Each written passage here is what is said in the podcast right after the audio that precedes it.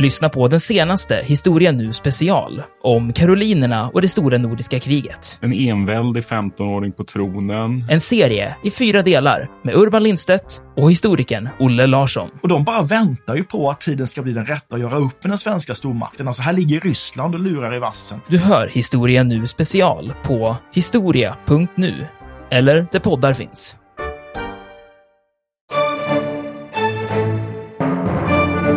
Och här ser man också vilka typer av människor det är som kommer. Mm. Vissa nykomlingar de är opportunister.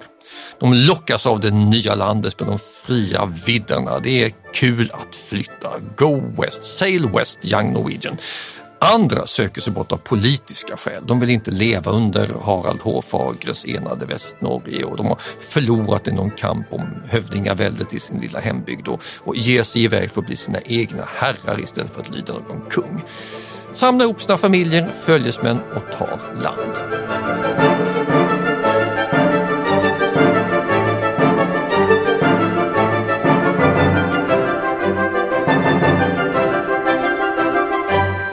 Välkomna till Harrisons dramatiska historia. Och till mig Dick Harrison, professor i historia i Lund. Och till Katarina Harrison Lindberg, författare i Åkarp, gift med Dick och väldigt förtjust i vikingatiden. Och det är den vi sitter med nu i hela den här poddsäsongen. Vi har redan klarat av det mest fjärranväga projektet vikingarna satte igång med, nämligen Vinland. Men vi stannar kvar i västerled och till på kolonisationsvägarna. För vikingatiden sammanföll med en av de största nyodlings och kolonisationsepokerna i Europas historia. Det var nu vårt nuvarande kulturlandskap formades, nu de byar och städer som vi idag omges med grundades. Och det här är mellan 800-tal och 1300-tal och befolkningen ökar enormt. Detta leder till att man börjar kolonisera nya länder, även på våra breddgrader. Och det är ju därför det finns folk på Island, Färöarna, Shetlandsöarna och så småningom grundas kolonier i Grönland också, ända bort i Amerika. Ja, för Gudrid och eh, gänget som, Som vi talade om om förra gången, de höll ju till på Grönland. Har, Ja. att Och det, här är det då nybildade kolonier som de bor Ja. i. Och då är det inte konstigt att de har den här pionjärandan i sig.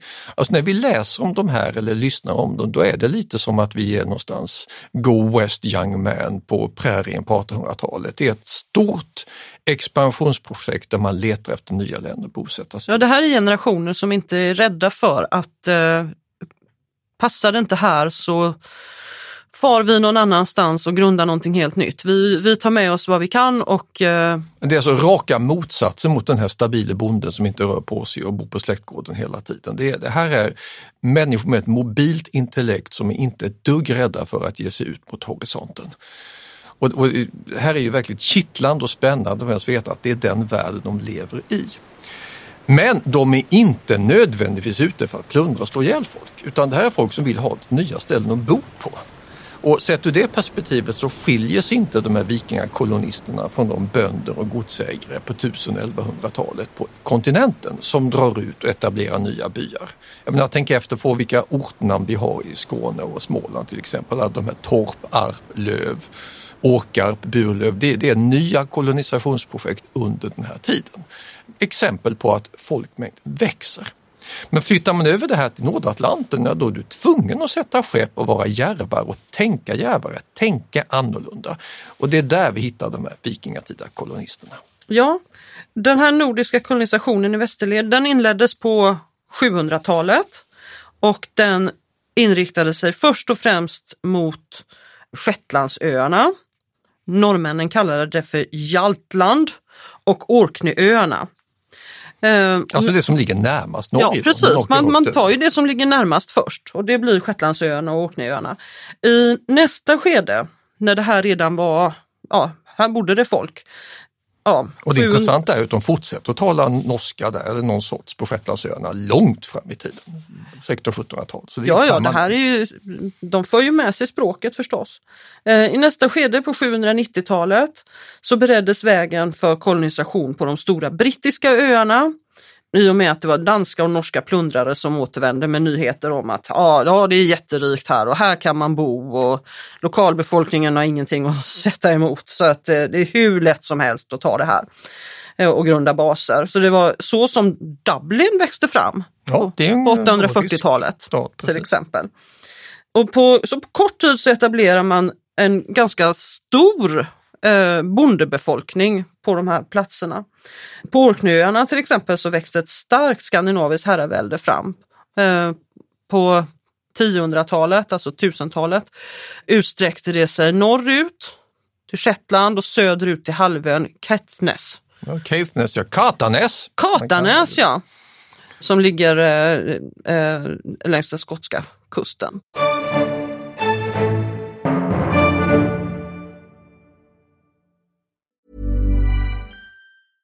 A lot can happen in the next three years. Like a chatbot may be your new best friend. But what won't change? Needing health insurance. United Healthcare Tri Term Medical Plans are available for these changing times. Underwritten by Golden Rule Insurance Company, they offer budget friendly, flexible coverage for people who are in between jobs or missed open enrollment. The plans last nearly three years in some states, with access to a nationwide network of doctors and hospitals. So, for whatever tomorrow brings, United Healthcare Tri Term Medical Plans may be for you. Learn more at uh1.com.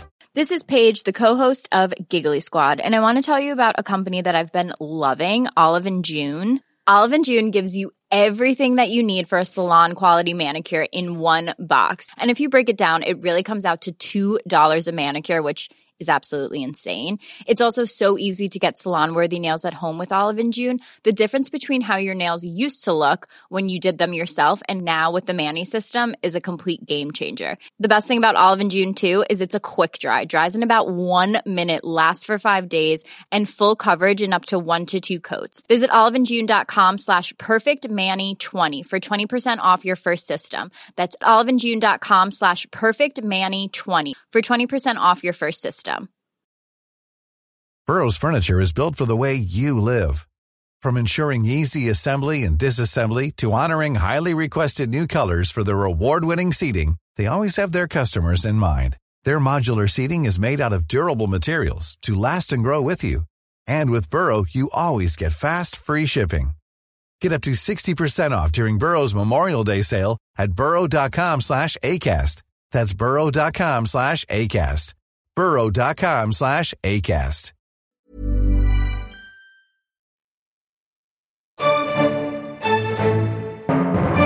Men du som kan det här, vet man hur många det är? Om det verkligen är så där jättemånga som har kommit in? Vad har man för belägg här? Alltså har man lånord och åtnamn och sånt? Ja, ja, ja, men det är ju det man har. Alltså det, så att det, var ju, det var många som flyttade över, det satte ju spår. Med, med ortnamn och, och ord och språk som du nämnde här. Att eh, det här var ju språk, språket blev ju, det var ju det man talade. Så det, det var inte bara, Det är inte bara vikingatida plundrare nej, utan utan man, man åker dit som- och bor där Precis. och etablerar sig på riktigt. Det var inte som i, när, när vi pratade om eh, Vinland i förra avsnittet att det kom dit några stycken och sen blev det ingenting. Utan här, det, här, det här kunde man ju underhålla, det låg ju också mycket närmare. Så att det var ju lätt att fylla på med folk och man kunde ju fortsätta. Man kunde, ja. Så det här blev, blev områden som liksom inlemmades i, ja, i kultursfären kan vi säga. kanske. Mm, exakt, om det nu bara hade varit en massa vikingatida plundrare som drar runt och alltså, våldtar kvinnor och bränner ner kloster, då hade, då hade det inte lett till några, någon större ortnamnsflora och språklig påverkan. Att det blev så i alla fall vittnar om att det måste varit en massa vanliga människor. Precis. Så det, och det märks ju även på i eh, engelskan, alltså det så, avsatte sig ju ord i det engelska språket. Vi har ett jättebra exempel som, som du brukar ta faktiskt. Just det ja, vindöga. Ja, Ja, det använder jag ofta i mina föreläsningar. alltså det engelska ordet för fönster, window, är ju ett gammalt nordiskt ord som egentligen är då vindöga. Så att man, man kan se ut mot, ja, jag har ju ett, en, annars en, en, en bra intressant parallellhistoria här som visar på att det måste ha varit väldigt många människor och det är jämförelsen med vad som händer efter 1066 slaget vid Hastings. Ja. Då är alltså normanderna kommer in, besegrar anglosaxarna, tar över England, Wilhelm Erövraren blir kung. Det här kommer vi kanske prata om i någon annan säsong, det är också spännande. Vad händer sen? Ja, kommer vi få en massa franska ortnamn i så fall? Dyker det upp en massa fransk påverkan på kulturlandskapet? Ja, inte speciellt mycket. Inte alls mycket när det gäller ortnamn och det är för att det är ganska få normander som flyttar över till ett kulturlandskap som var mitt under skapande. Så de hade mycket väl kunnat skapa ortnamn om de hade varit många, många fler. Men det är riddare och krigare och knektar som flyttar över och de ger inte den typen av kulturella arv. Om vi däremot tittar på de här vikingatida områdena där det har kommit norrmän och tagit över Caithness till exempel eller Orkney, Hebriderna eller södra Wales som vi också vet att det förekommer viss immigration i. Då hittar vi mängder av skandinaviska ortnamn. Tittar vi på områden utanför de här zonerna, betydligt färre. Så det, det, det, är ganska lätt att se var man har haft en mycket stor påverkan på kulturlandskapet när man jämför det med andra sådana här parallella mm. immigrationer. Och enda sättet att förklara det är att det var väldigt många som faktiskt bosatte sig. Ja, och om man bor på en plats och odlar jorden så påverkar man också vad den här platsen heter. Mm. Och så har vi den materiella kulturen.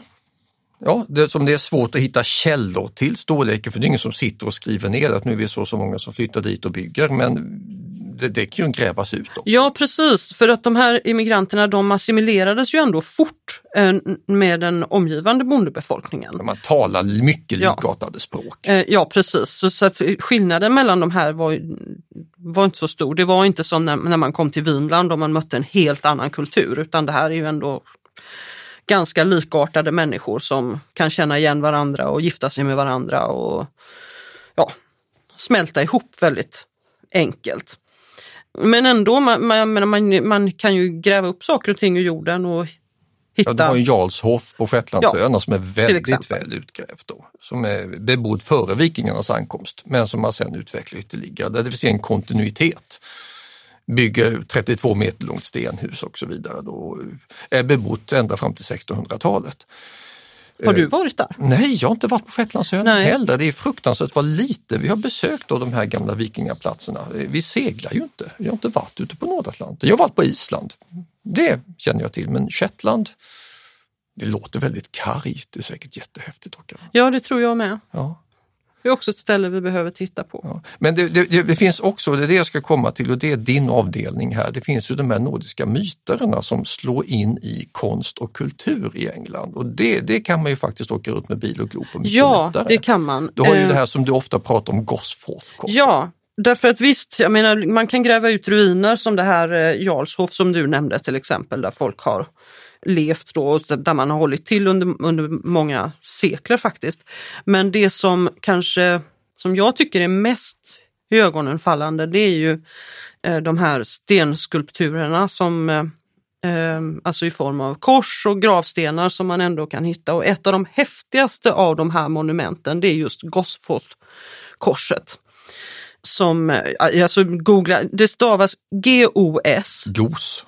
F-O-R-T H. Gosforth. Korset. Ja, så det här kan man googla på och få jättefina bilder. Det är högt och väldigt smalt. Det är ju helt fantastiskt att det har hållit och att det inte har brutits och blivit till ingenting. För det är flera meter högt kors. Och eh, på det så har man gjort både eh, kristna och hedniska motiv. Det här dateras till 900-talet ska jag säga också. Man hittar till exempel Fenrisulven på det här korset. Man hittar Midgårdsormen, de är liksom där tillsammans. Och eh, en hel del andra eh, spännande bilder. Och samtidigt så är det ett kristet kors. Så att det är uppenbart att man har här då känt till de här nordiska sagorna och myterna och eh, tyckt att de är så spännande så att vi lägger in dem på den här Ja, eh. och vi har ingen aning om vad de gör där. Om de symboliserar ondskans makter eller om det bara är utsmycknad för det ser kul ut eller för att man vill berätta historier om dem för att det är entertainment. Vi har ja, inte nej, det vet vi ju egentligen inte men förmodligen så har man ju tyckt att det har varit liksom ändå starka berättelser som passar i det här mm. sammanhanget, vilket man kan tycka är lite märkligt kanske på ett kors. Men ehm, Det förekommer ju en del runinskrifter också på Isle of Man där man har haft som utsmycknad Ja. på sådana här kors. Och det kan ju bara förklaras med att våra grabbar var där och influerade. ja, och, och precis. sådana här saker står ju i kulturlandskapet fortfarande och ingen har haft något skäl till att välta det. Det har inte funnits någon sorts ikonoklasm mot förtryckarna utan det har Nej, fått stå kvar. och jag tänker just på Isle of Man, där har man hittat ganska många runinskrifter. Och eh, det har man väl funderat på för att i, på, i övrigt om man tittar på England och sådär så, så finns det inte så himla många runinskrifter där, man har hittat några enstaka bara. Någon vid Sankt Paulskatedralen tror jag. Jag skrev en eh, svar på en läsarfråga i populär historia om detta för lite sedan så jag fick liksom titta på det då och det, det finns väldigt lite runinskrifter i England men just på Isle of Man är de talrika och det får man, man kan förklara detta på många sätt. Det kan ju vara så här att eh, i England det fanns, dels kan det vara så att de som reste dit, de hade inte den här kunskapen. Och det var inte heller rätt kontext att sitta och skriva eller rista runor där. Men Det, det var sånt man gjorde hemma vid men, men det kanske inte efterfrågades på samma sätt i England. Det blev Medan- inget mode i alla fall. Nej, det blev inte mode eller man hade inte någon som faktiskt kunde det här för det var ju ett yrke som skulle utövas. Medan när man kommer till Isle of Man så fanns det en tradition av att resa kors med text på. Och då, dels så fanns det ju då folk som kunde göra ristningar rimligen men det var också så att de som kom dit kunde då se att jaha, här gör man ungefär som man gör hemma vid och så kanske man då fortsätter att göra så där. Det här är spekulationer men det är, det är någon sorts förklaring till, till de här Ja, skillnaderna men, i alla men vi fall. ska prata om runor mycket mer i ett senare avsnitt och vad man kan slå fast där här är att det går ju modetrender i det. Ja, det gör det det. går upp och ner. Upplänningarna till exempel älskade runeskrifter i hundra år när alla andra hade tröttnat, vilket gör att Uppland är extremt runstenstätt. Sörmland och Västmanland inte alls lika mycket. Det är alltså lokala modetrender. Och Isle of Man, där gillade man runor. Ja. English Midlands tycker man var totalt ointressanta och så vidare. Det här är också intressant att se hur människan anpassar sina kulturella uttryck efter vad man tycker är kul. Och runor slog inte an i mellersta England, Nej. men mycket väl på Isle of Man. Men andra saker i mellersta England eller norra England som, som vikingarna lämnade efter sig är däremot oerhört tydliga. Stadscivilisationen till exempel. Jag har varit i York. Ja precis, Ja. du har pratat mycket om York och, det med mig. Jorvik Ja. hade det hetat då. Och det är huvudsäte för ett skandinaviskt kungarike eh, som då existerar några decennier, attackeras, uppstår igen och är som någon sorts skandinavisk engelsk hub på 900-talet. Och det här är man oerhört stolt över i York idag. Ja, för man gör fortfarande väldigt mycket av detta. Ja, alltså det är ju, ska man verkligen se ett vikingamuseum där man har fläskat på, det här är inte en ny grej, så, så var det när jag var ung, då var det också Jorvik Viking Center som man kunde åka runt i små vagnar som på Disneyland och eh, lukta på, alltså lukta inte gott, för det skulle lukta lite avskrädeshög på vikingatiden och lyssna på fornnordiska som mekaniska dockor talar och sen prägla mynt som eh, man präglade på den här tiden. Och det, var, det står helt klart när man är på York Viking Center att i England, där är de riktiga vikingarna engelsmän. De tuffaste av de tuffa som utvandrade bosatte sig där, det är de som är de riktiga, det är kolonisterna och vi är deras ättlingar, det är vi som är de äkta vikingarna. Så där har man liksom mutat in vikingatiden till Yorkshire och gjort det till deras grej, alltså verkligen tagit det till sig. Det är alltså inte så att det upplevs som någon sorts förtryckare utan tvärtom, det är vi-konceptet. Det är, Men Det det, är här är positivt ju faktiskt lite roligt för att eh, eh, i, i York så, ser, så tycker man att det är kul att ha vikingar som ättlingar men de är inte ensamma om detta. Det är lite tufft att ha det. Ja, men gå på eh, Nationalmuseet i Dublin, en enorm vikingavdelning. Och då är ändå vikingarna traditionellt fiender till eländerna. Men det är också, det är ändå, eh, går man i Dublin så är det det är vi. Det, är, det här är vårt kulturarv. Och sen gled de samman med eländerna och det är vi som är vikingarna nu. Blir ännu tydligare om du åkte Normandie och det har vi ju gjort. Ja precis, för det, det är lite tufft att, att vara ättling till vikingarna och jag menar i Normandie så är det där, där tycker de ju åh vi är långa och blonda här och, och det har vi från Vikingarna. alla vikingarna som kom hit och vi är fortfarande vikingar här. Det är ju inte så det är jättehedrande att ha stannat kvar hemma och latat sig. Det hedrande det är att vara tuffingarna som åkte ut och bröt ny mark och tog över, det vill säga vi normander. Visserligen, vi pratar franska nu, men vi är ju vikingar. Den andan finns i Rouen och i Bayeux och runt omkring i Normandie.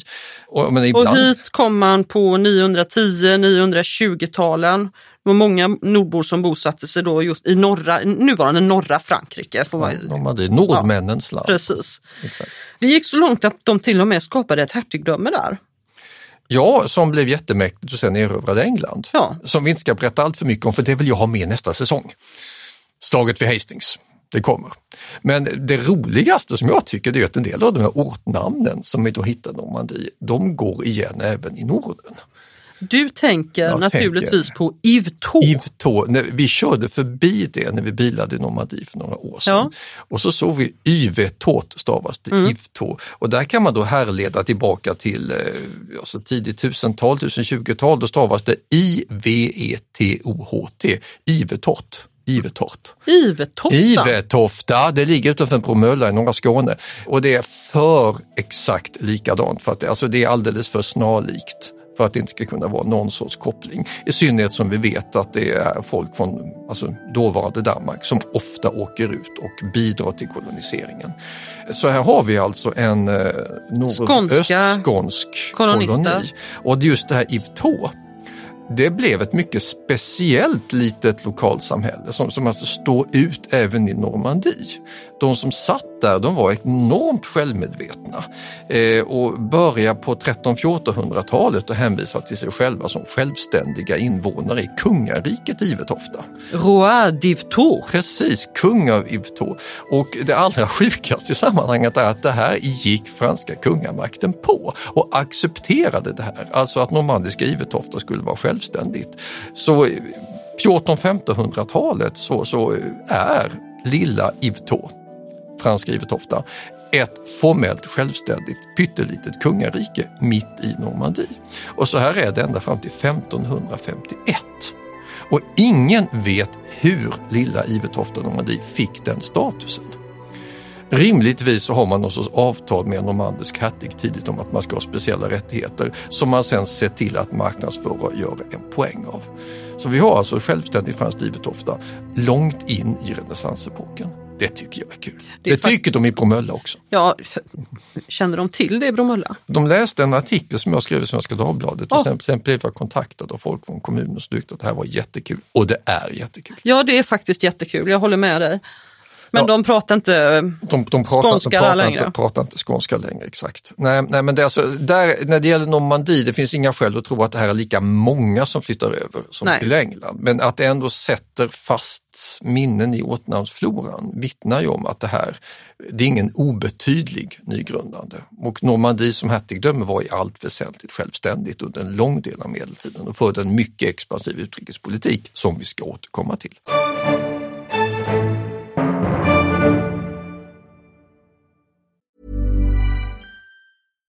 Ready to pop the question? The jewelers at BlueNile.com have got sparkle down to a science with beautiful lab-grown diamonds worthy of your most brilliant moments. Their lab-grown diamonds are independently graded and guaranteed identical to natural diamonds, and they're ready to ship to your door. Go to Bluenile.com and use promo code LISTEN to get $50 off your purchase of $500 or more. That's code LISTEN at Bluenile.com for $50 off. Bluenile.com code LISTEN. Hey, I'm Ryan Reynolds. Recently, I asked Mint Mobile's legal team if big wireless companies are allowed to raise prices due to inflation. They said yes. And then when I asked if raising prices technically violates those onerous two year contracts, they said, What the f are you talking about, you insane Hollywood ass? So to recap, we're cutting the price of Mint Unlimited from $30 a month to just $15 a month. Give it a try at mintmobile.com slash switch. $45 up front for three months plus taxes and fees. Promo for new customers for limited time. Unlimited more than 40 gigabytes per month. Slows. Full terms at mintmobile.com. Burrow's furniture is built for the way you live. From ensuring easy assembly and disassembly to honoring highly requested new colors for their award-winning seating, they always have their customers in mind. Their modular seating is made out of durable materials to last and grow with you. And with Burrow, you always get fast, free shipping. Get up to 60% off during Burrow's Memorial Day sale at burrow.com slash ACAST. That's burrow.com slash ACAST. burrow.com slash ACAST.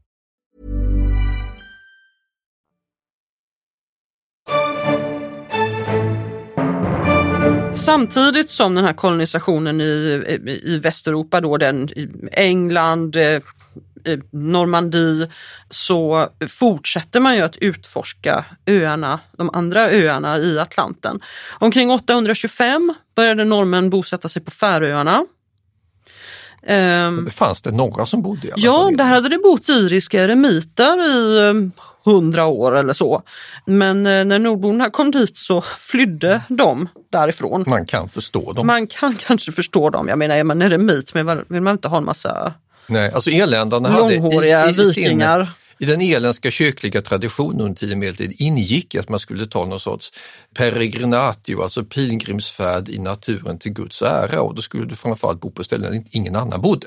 Alltså ju färre människor runt omkring dig desto bättre. Och Dyker det upp en massa norska eh, boskapsuppfödare och grundar en gård i närheten, då faller idén med eremitbostället Precis. Bort. Samma sak hände faktiskt på Island när norrmännen började kolonisera Island ungefär 870.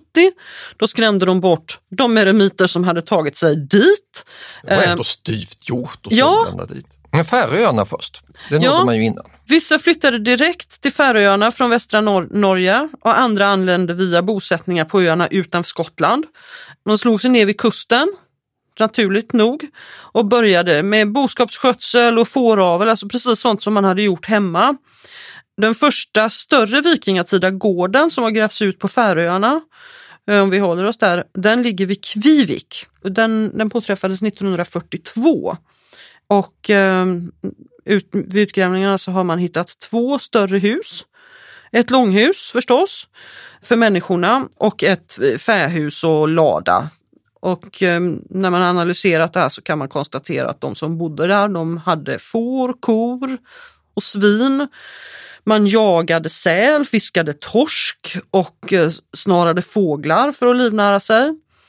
Och ehm, Alltså man gjorde sånt som man gjorde ja, man, hemma. ja, man gjorde sånt som man gjorde hemma. Man kunde tydligen ha det ganska fritt ett tag innan det blev så trångt att man måste organisera ett samhälle. Ja precis, det skedde så småningom. Och då när man, att man var tvungen att organisera sig politiskt och ha ett ting där man skulle mötas. Men, eh, men det, det dröjde ett tag. Men, eh, alltså, nu får jag sugen på att åka dit också. Vi har inte varit på Färöarna heller. Nej, jag inser, vi har inte varit någonstans. Nej, här tycker vi att vi är beresta för att vi åkt omkring lite i Tyskland och kollat på kyrkor. Ja. Ja, det är pinsamt. Men det, det här, de, de, är ju inte stora de här ögrupperna. Nej. Man fyller ju upp dem ganska fort eftersom det här är, som jag sa tidigare, en period då Europas folkmängd stiger väldigt Mm. mycket. Och om du då bara har några öar att befolka så tar de slut. Jag tänker Färöarna, det är ju det är ett väldigt litet samhälle, men Island är ju ändå lite större Rik. Ja, och det här kommer då liksom decennium efter decennium. Shetland, Orkney, okej, okay, check. Färöarna, Island står näst i tur. Och man, man brukar i Island tala om så kallade landnamstiden, alltså landtagartiden, då det fortfarande finns fri jord att ta utan att någon bryr sig, mer än de här eremiterna som flyttar vidare då. Eh, och då brukar man traditionellt säga att det här är mellan cirka 870 och 930. Och då har man alltså börjat på Färöarna cirka 825, så det mm. kommer några decennier mellan. Och sen så dröjer det kanske sådär ja, 60 år max, sen har man tagit så mycket man kan av den värdefulla betesmarken. Eh, och då börjar det att bli trångt och då är Grönland nästa steg. Nu är det så att det här är skriftliga källor från 11-1200-talet som ger oss de här kronologiska hållpunkterna. Det intressanta idag är att man har hittat rester för äldre bosättningar.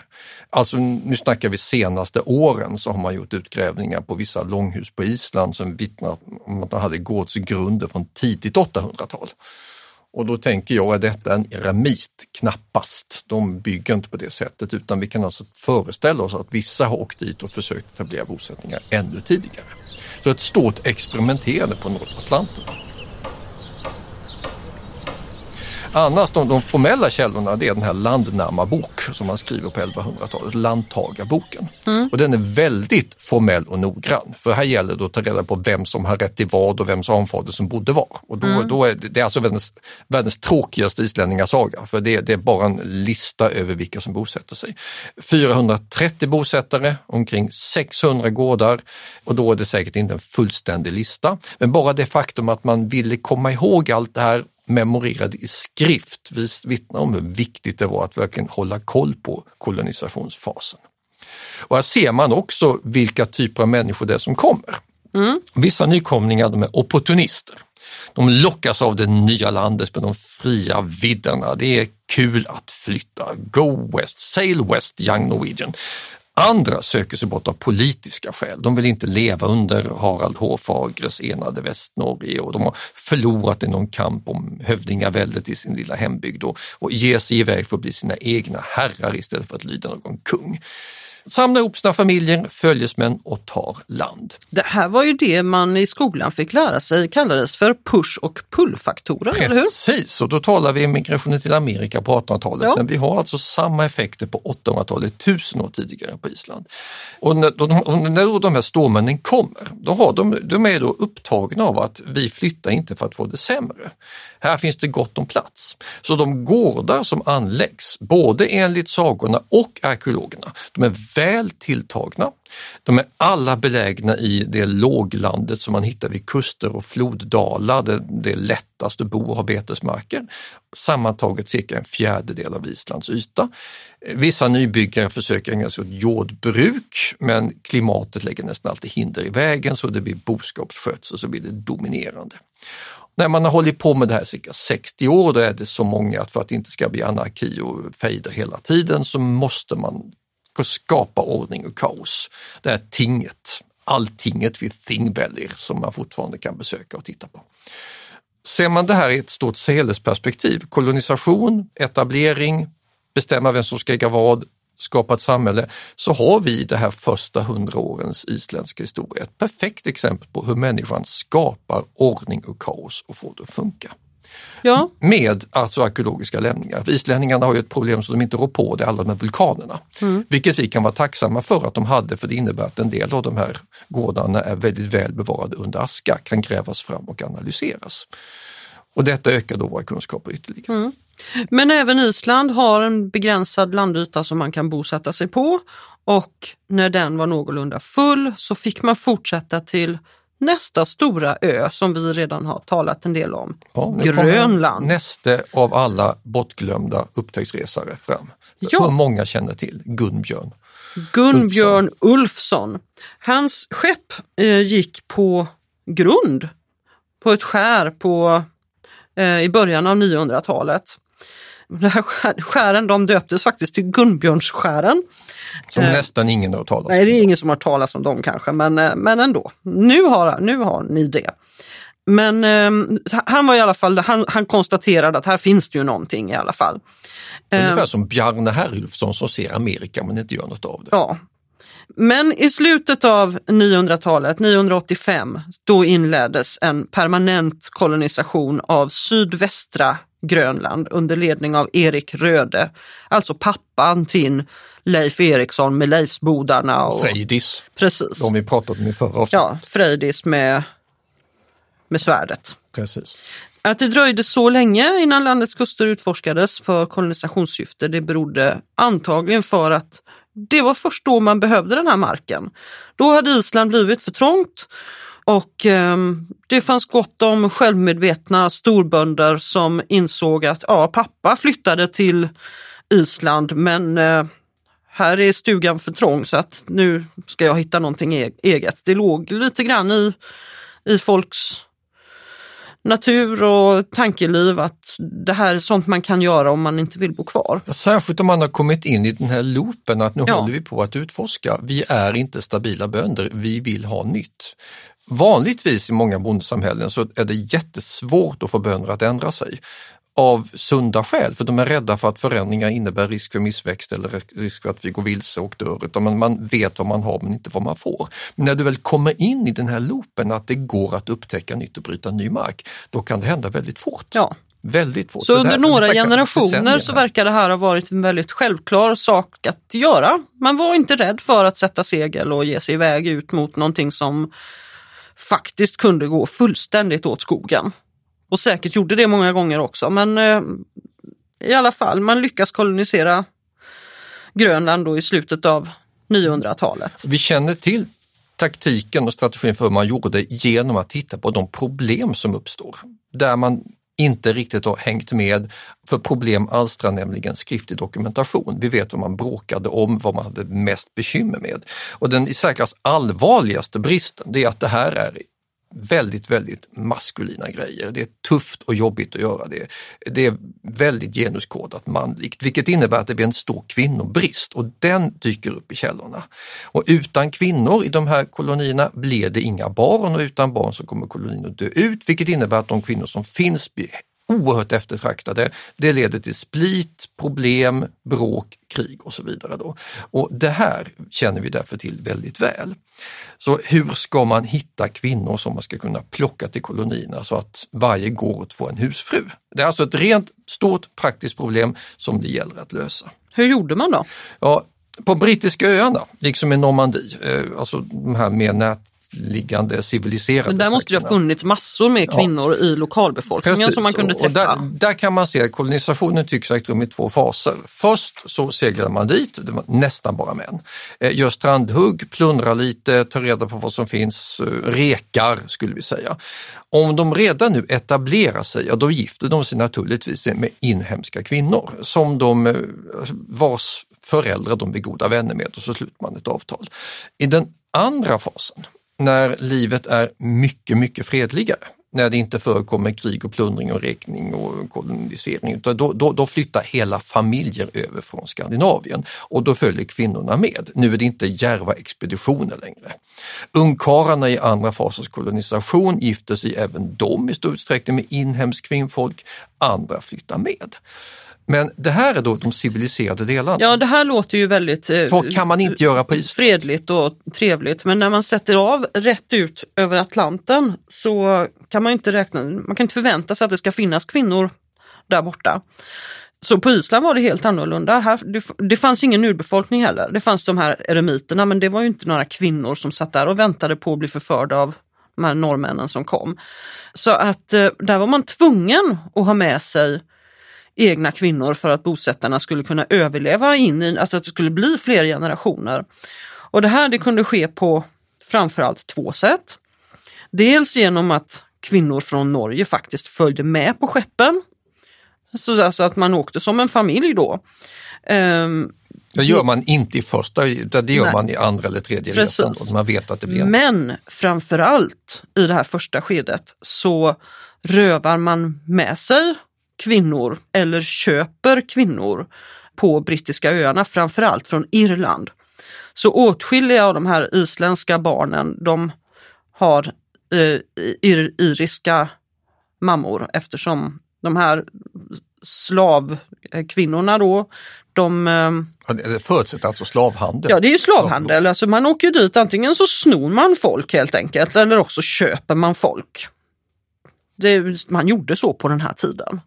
På Grönland så, så, jag menar, så gick det inledningsvis väldigt bra med den här kolonisationen, även om det inte fanns några kvinnor. Men den överlevde inte på sikt. Nej, den, den här koloniseringen av Grönland äger alltså då rum efter Island. Vi snackar decennierna kring år 1000. Mm. Erik Röde, Leif Eriksson och alla de här och fortsätter sen, alltså finns under nästan hela vår medeltid med ett eget biskopsdöme, gott om gårdar, olika bygder. Men någon gång på 1400-talet eller i början av 1500-talet så försvinner på okänt vis hela den här skandinaviska befolkningen på Grönland.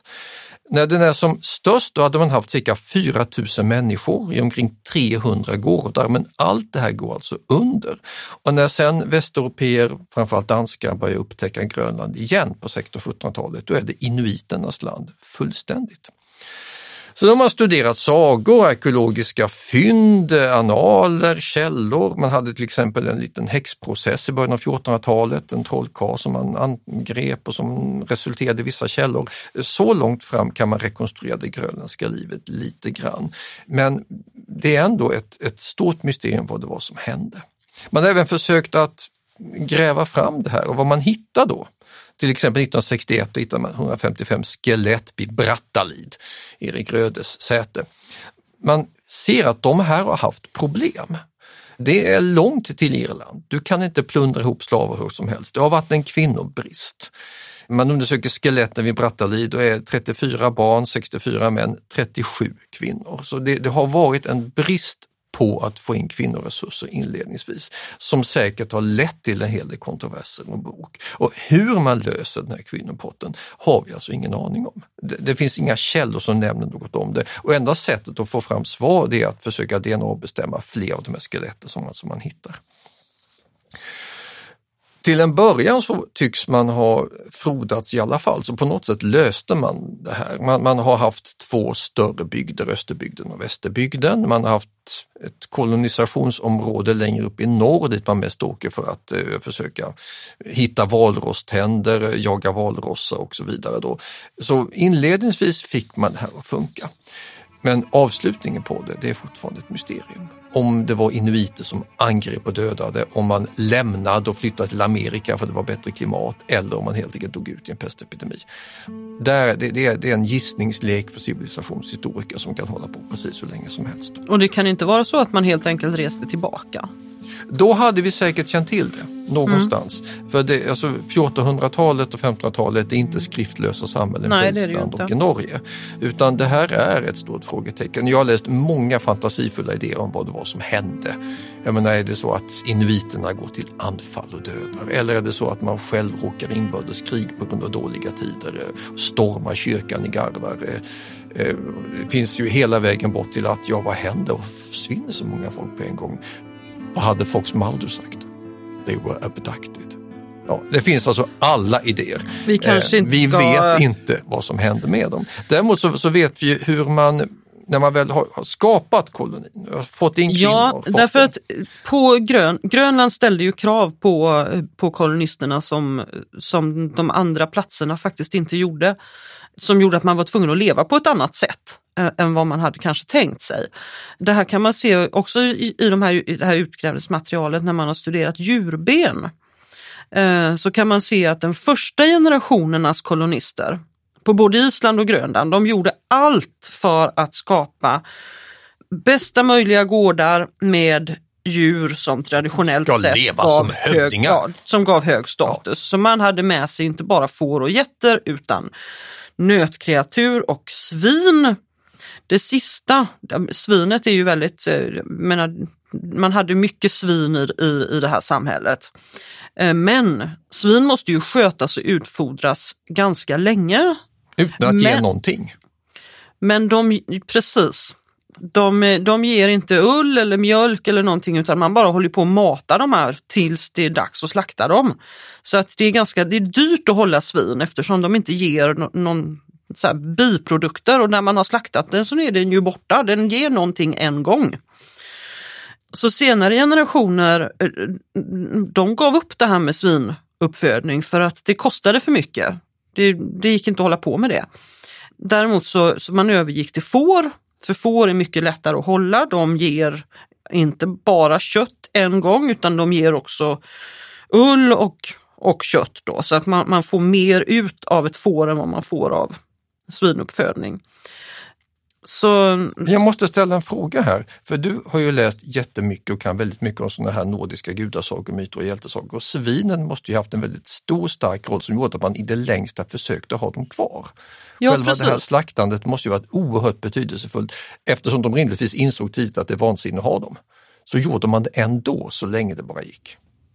Ja, det, det är så. Det är, men, men man gav ju också upp. Man fick ju trots allt rätta sig efter läget här. Att går det inte att föda upp svin, att man faktiskt går back på det hela tiden. Så trots att det här är då ett väldigt kulturellt viktigt djur i, i den här civilisationen om vi säger så, så, så fick man, man fick släppa det. Man fick inte ha sin särhimner Nej. gården. Nej.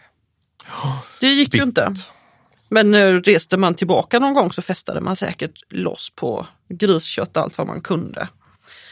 Men eh, nej, så att det, det var ju jobbigt förstås. Men fåraveln, alltså eh, fåraveln var ju superviktig för att eh, den gjorde att man kunde producera ull och vadmal och då hade man också någonting som man kunde byta till sig saker som var svårt att ordna på Grönland. Man kunde byta till sig spannmål till exempel, järn, timmer. Det växer inte jättemycket skog här så att eh, man behövde faktiskt ta hit saker så att de som bodde på Grönland hade ju mycket det var en mycket mer utsatt situation där. Ja, men indirekt visar det här på att de måste ha seglat jättemycket också. Ja. Just för att kunna handla kors och tvärs över hela Nordatlanten. Det är ju eh, självklart för att det här ska kunna funka. Jo, men jag kan ju också tänka mig att, en sån, eh, att man, är, man är mer utsatt i här. Och eh, är det någonting då som helt plötsligt inte fungerar, att man inte kan ge sig ut och resa på samma sätt som tidigare, att man ja, drabbas av eh, vissa bakslag så kanske det, då, då kanske civilisationen faktiskt blir så, det är så bräckligt så att då går den under. Mm. Nu kommer jag att tänka på en annan sak här, för de, just det här visar ju på problemen i sammanhanget och ibland ser vi att de har gjort överambitiösa misstag. Det här med att plocka in svin är ju en sån sak. Men du har ju också de här islänningarna som inte är speciellt uppdaterade på ekologi och vad jorden kan tåla. Och här ser vi att vissa av de här nybyggarna gör alltså nybörjarmisstag när de ska välja var de ska bo någonstans. Anlägga gårdar för boskapsuppfödning djupt in i inlandet i dalgångar för att få så stora betesmarker som möjligt. Ja, det är ett naturligt sätt att tänka om du inte vet vad marken egentligen klarar av. Och då gör man sådana här misstag som man som arkeolog historiker kan vara tacksam för eftersom det avslöjar dem, men som måste varit väldigt jobbigt på den tiden. Du har till exempel i Sandmuli, det är mitt i Islands nordöstra vildmark, man har hittat en stor silverskatt från vikingatiden eller rika kvinnograven i Mjöjdalur i västra Island. Eh, men det här är kortvarig kolonisation. De här gårdarna försvinner ganska tidigt eftersom boskapen betade sönder det tunna vegetationstäcket och helt enkelt förstörde marken för lång framtid. Så att man lär sig av bitter erfarenhet var det funkar att vara kolonist och var det inte funkar. Ja, det är ju därför man sen bosätter sig då ut med kusten för att eh, ja, det, det går att bo där. Ja. Men nu har vi snackat väldigt mycket om Nordatlanten. Vi börjar närma oss slutet och det är ju en sak vi helt har missat. Ja, vi har hela tiden talat om hur vikingar eller nordbor, framförallt norrmän, men även danskar och svenskar, lämnar sina orter och eh, bryter ny mark på andra håll och möter nya människor och blandar sig med dem. Men på den här tiden så kom det ju naturligtvis människor även hit. Det var inte bara folk som lämnade här, men vi hade ju kontakter så att människor reste till vår del av världen också. Ja, för det var glesbefolkat i hela ja. Europa. Det fanns plats åt folk och sådana som, områden som vi i våra landskap inte brydde oss om var då öppna för andra. Ja, det här, och det här är ju lite roligt faktiskt. Skåne är ju ganska tättbefolkat idag men det är inte, det är inte tättbefolkat överallt faktiskt ännu ens idag. Ett känt exempel från på immigration då till Sverige på den här tiden det är att eh, det kommer västslavisk invandring till en, en plats eh, vid Älvstadssjön och bosätter sig där. Nu vet nästan ingen som lyssnar på där var Älvstadssjön ligger. Det ligger i närheten av Sjöbo. Det är alltså Sjöbo kommuns urbefolkning ja. vi talar om nu. Som Precis. Och Sjöbo ligger ja, mitt i Skåne. Ja. Långt ifrån kust. Och har faktiskt. utmärkt sig på 1980-90-talet för att inte vara speciellt vänligt inställda till flyktingimmigration.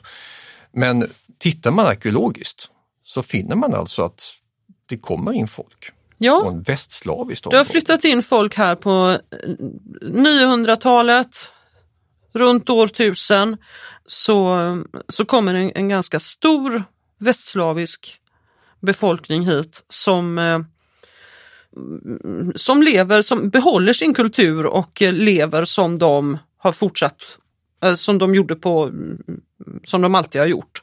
De verkar inte liksom ha assimilerats heller i första taget så att eh, de har hållit kvar vid sin kultur här. Och varför de kom hit det har vi ju ingen aning om men det är lite kul att de finns här. Jag menar fanns de så fanns det säkert väldigt många ja. andra. Ja, det är ofta slumpmässiga fynd. Här har man gjort krukskärvor, mynt. Ja. De här använde penningekonomi, vilket skåningarna hade i väldigt liten utsträckning. Det är omöjligt att beräkna sån här invandringars omfattning. Men det är ett faktum att det lyckades. För de här slaverna blev bofasta. Under några generationer bibehöll de sedvanor, livnärde sig av boskapsskötsel, jakt och fiske, men inte jordbruk, för det hade man skåningar runt om hörnet som man kunde handla med. Sen efter cirka hundra år, då har befolkningen glidit samman. Eh, sen kan vi vidga blicken ytterligare och se kontaktnäten mellan härskarfamiljerna, alltså de som sitter och styr som hövdingar och kungar runt omkring Östersjön, gifter sig i regel med varandra kors och tvärs mellan slaviska och germanska språkgrupper eftersom det är det bästa sättet att bygga upp stabila kontaktnät över större ytor. Och då förekommer det naturligtvis immigration fram och tillbaka också. Så under hela den här epoken så är människan väldigt rörlig och koloniserande. Inte bara vi åker ut och bygger kolonier i andra länder utan folk kommer hit och bygger kolonier också. En väldigt, väldigt stor kulturell formationsprocess. Ja, och de här som kom då till, eh, till Ellestadssjön, det ser ju ut att ha varit otroligt fredligt och det har inte varit några bekymmer alls så, så vitt man kan bedöma. Utan man har handlat och eh, umgåtts och så småningom så har, man, har liksom gränserna mellan de här befolkningarna ändå luckrats upp och så, så har det blivit sjöbobefolkning av dem. Precis. Sjöbofolk. Den här aspekten som vi nu har pratat om har alltså visat på att vikingatiden inte bara var den där plundrande krigiska som vi ska prata om sen, utan dess främsta resultat inför framtiden det var att det grundas nya samhällen. Kolonisationen ledde till att kulturlandskap växte fram. Ibland gick det fel och det överlevde inte som på Grönland, men i andra fall ledde det till att hela nya bygder skapades permanent. Island det bästa exemplet, Färöarna också. Så nu har vi talat om upptäcktsresor, kolonisation i ett par poddar. Men vi har inte pratat mycket om vad det är de här människorna tror och tänker. Nej, det får bli nästa avsnitt. Ja. Då blir det asatro. Då går vi in på din specialitet. Då kommer Tor, Oden och Frej och de andra att dyka upp. Mm. Asatro och kult. Vi hörs då. Det gör vi. Tack och hej!